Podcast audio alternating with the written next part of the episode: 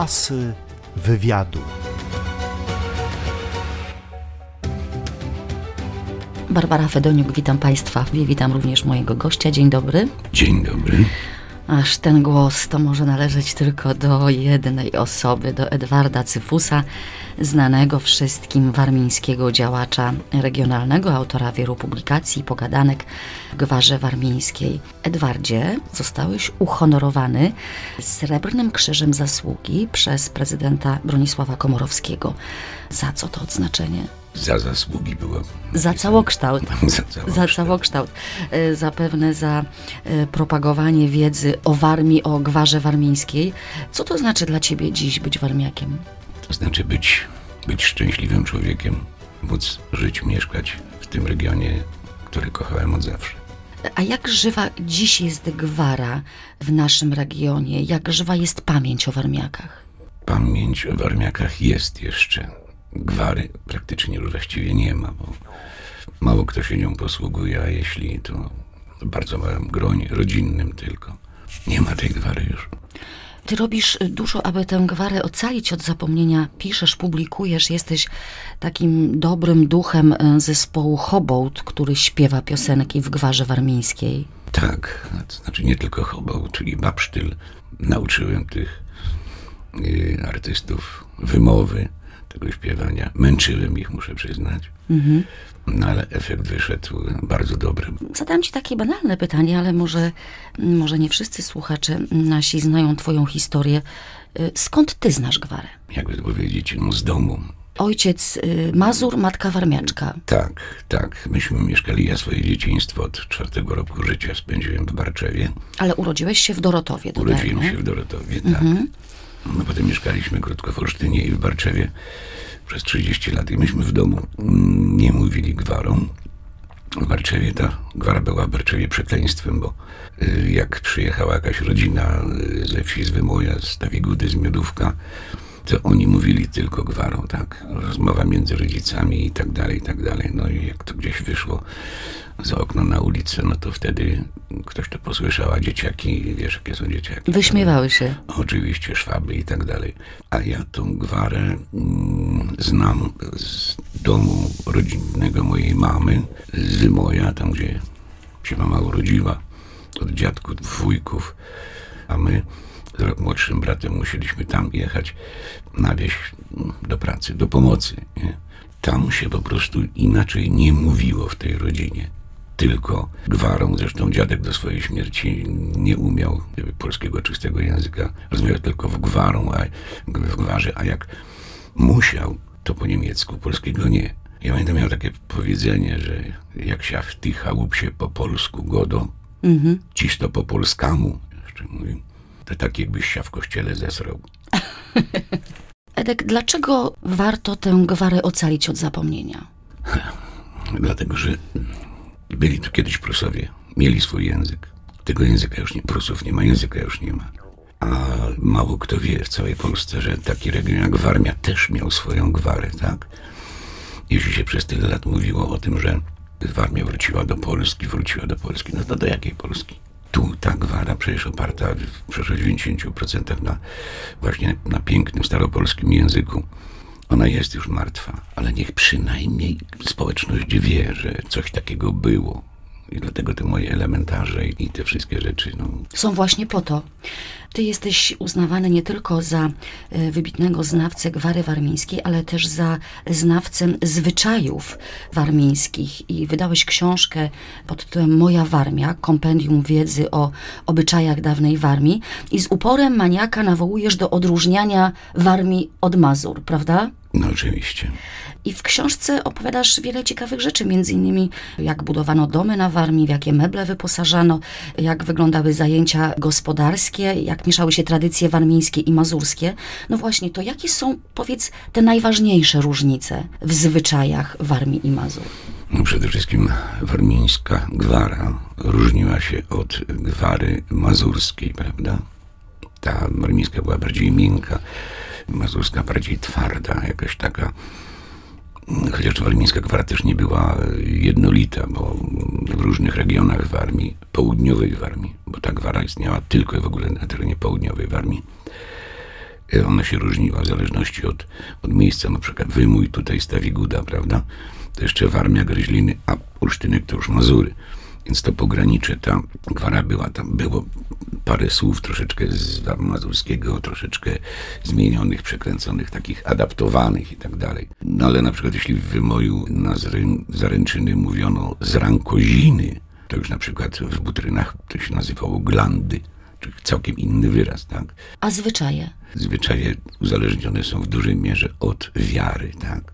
Warmiacy od zawsze, czyli od założenia w armii 1250 rok Byli katolikami. byli i są katolikami, tak? Po sekularyzacji, po rozwiązaniu zakonu krzyżackiego, prawda, ostatni mistrz zrzucił, y, jak to dzisiaj powiedzieć, sutannę i prze- też przeszedł na protestantyzm. I tu już są różnice, prawda? Bo są inaczej obchodzone święta, i inne tradycje, kult Matki Boskiej na Warmii, po objawieniach gietrzałckich jeszcze bardziej. Natomiast y, ewangelicy y, Matka Boska nie jest dla nim, nie ma tam kultu Matki Boskiej. No to samo i, i, i- w zwyczajach takich codziennych. Y, Czyli tych różnic jest wiele. Było, było, było. było, oczywiście. Asy wywiadu.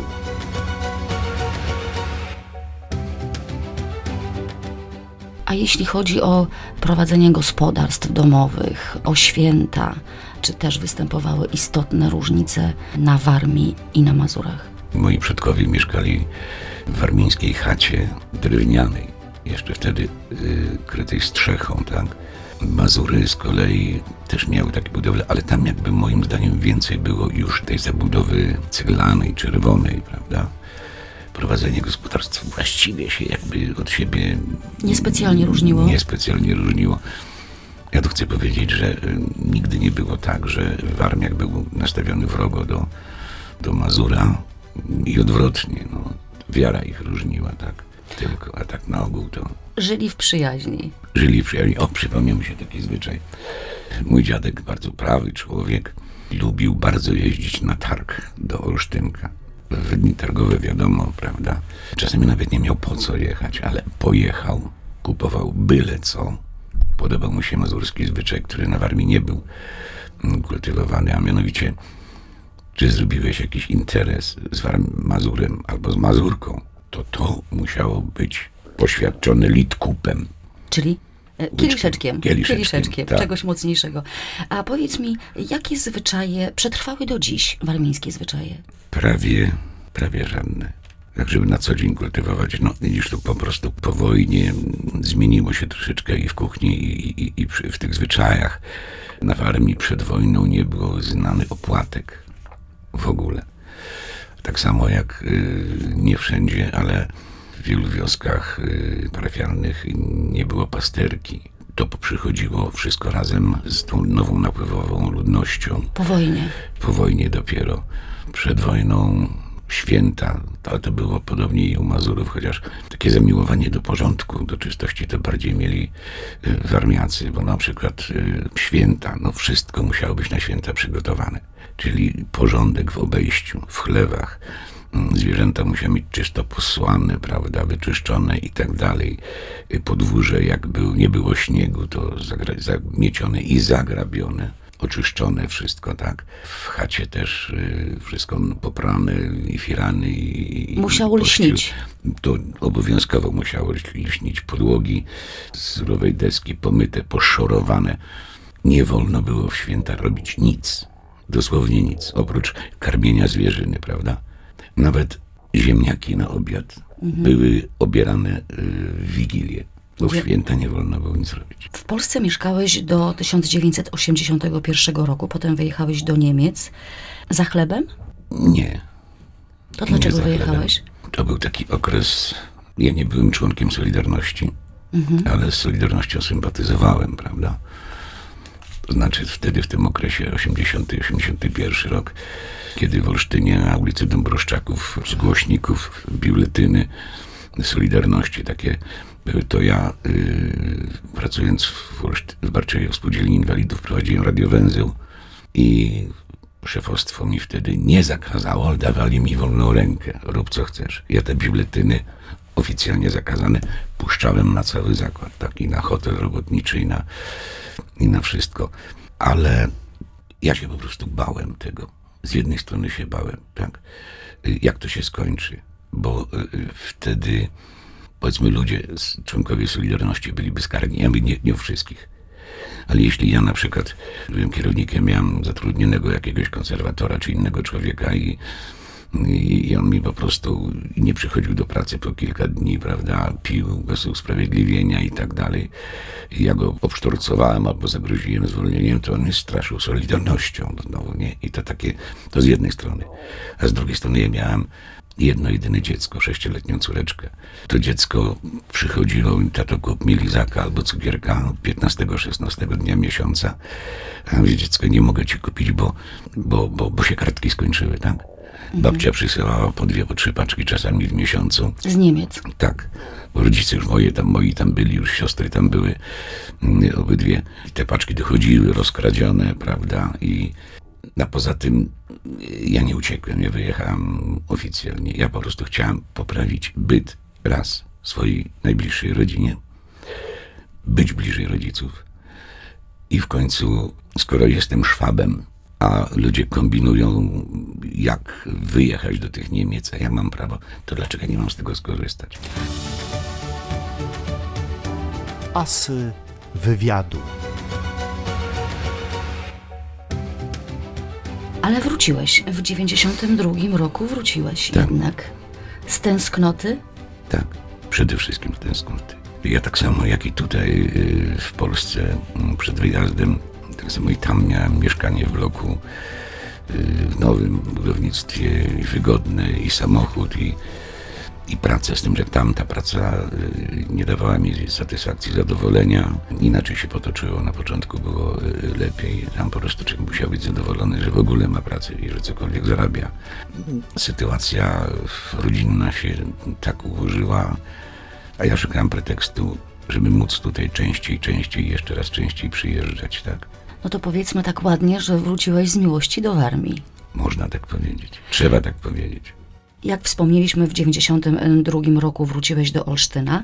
W 2003 i w 2006 roku wydałeś dwie książki oparte na biografii twojej matki. Tak.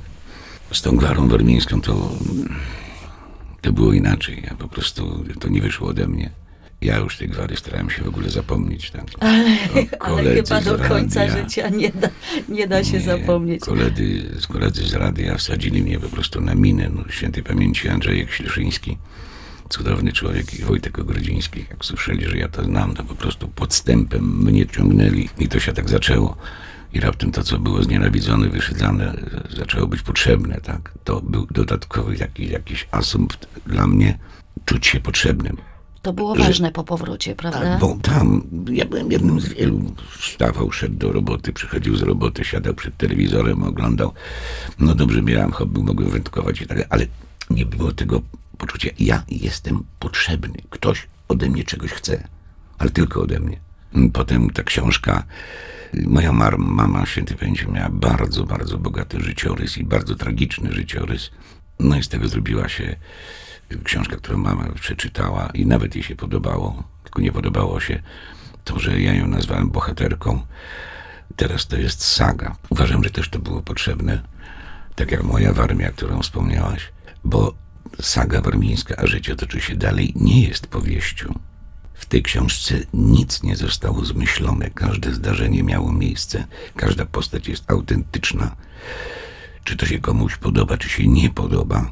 Ja nie zwracałem na nikogo uwagi. Ja też zostałem namówiony do napisania tej książki, ale powiedziałem, albo napiszę całą prawdę i wtedy niech się czytelnicy albo nie wiem, ktoś inny ma z tym problem, albo nie będę pisał wcale. I dlatego z premedytacją umieściłem w tej książce zdjęcie mojego ojca w mundurze Wehrmachtu. Wtedy nikt nikogo nie pytał. Był taki czas, byłeś obywatelem tego kraju, wiadomo jak administracja była tu przed wojną i albo włożyłeś ten mundur, nieważne co ci serce dyktowało, albo kula w łeb. Y, Czy ty byłeś y, pomysłodawcą powstania elementarza gwary warmińskiej? Tak, tak, y, bo czegoś takiego jeszcze nie było, prawda? Moje gawędy były, one się skończyły, tak. Będziemy ich już. No a ta. I, I co z tym by się miało skończyć ten powrót do gwary warmińskiej? Nie. Zawsze chciałem, żeby coś takiego wyszło, ale ja musiałem mieć y, y, współpracowników do tego, tak? I znalazłem y, dydaktyka, regionalistę, historyka, panią doktor habilitowaną Izabelę Lewandowską, która po prostu opracowała to fantastycznie. Szukałem ilustratorów, bo trzech proponowałem, co mają zrobić, to mi się nie podobało. W końcu znalazłem Anię Rok z Barczewa, która tę ilustrację zrobiła mi. One są na granicy naiwności ale są kolorowe i one przedstawiają to, jak było. To są trzy elementarze. Każdy z tych trzech elementarzy, pięknie opracowany, pięknie wydany, zawiera na końcu płytkę z tymi tekstami, które tam gwarowo są opisane, tak? Ja je czytam. Czyli ten, który będzie się chciał tą gwarę zapoznać, czytać, może porównać, jak powinien to y, Jak to brzmi po prostu, Jak to- fonetycznie. tak, tak, tak, tak, jak to brzmi. To moje nazwisko aktualne pisało się y, przed wojną inaczej. Nie chcę tego do wątku rozwijać, ale ja po prostu stwierdziłem, że może i krew we mnie niemiecka, chociaż też tak nie do końca, ale dusza słowiańska. Dusza u ciebie warmińska, Edwardzie. I widzisz, jak ktoś mądrze mówi, to aż miło posłuchać.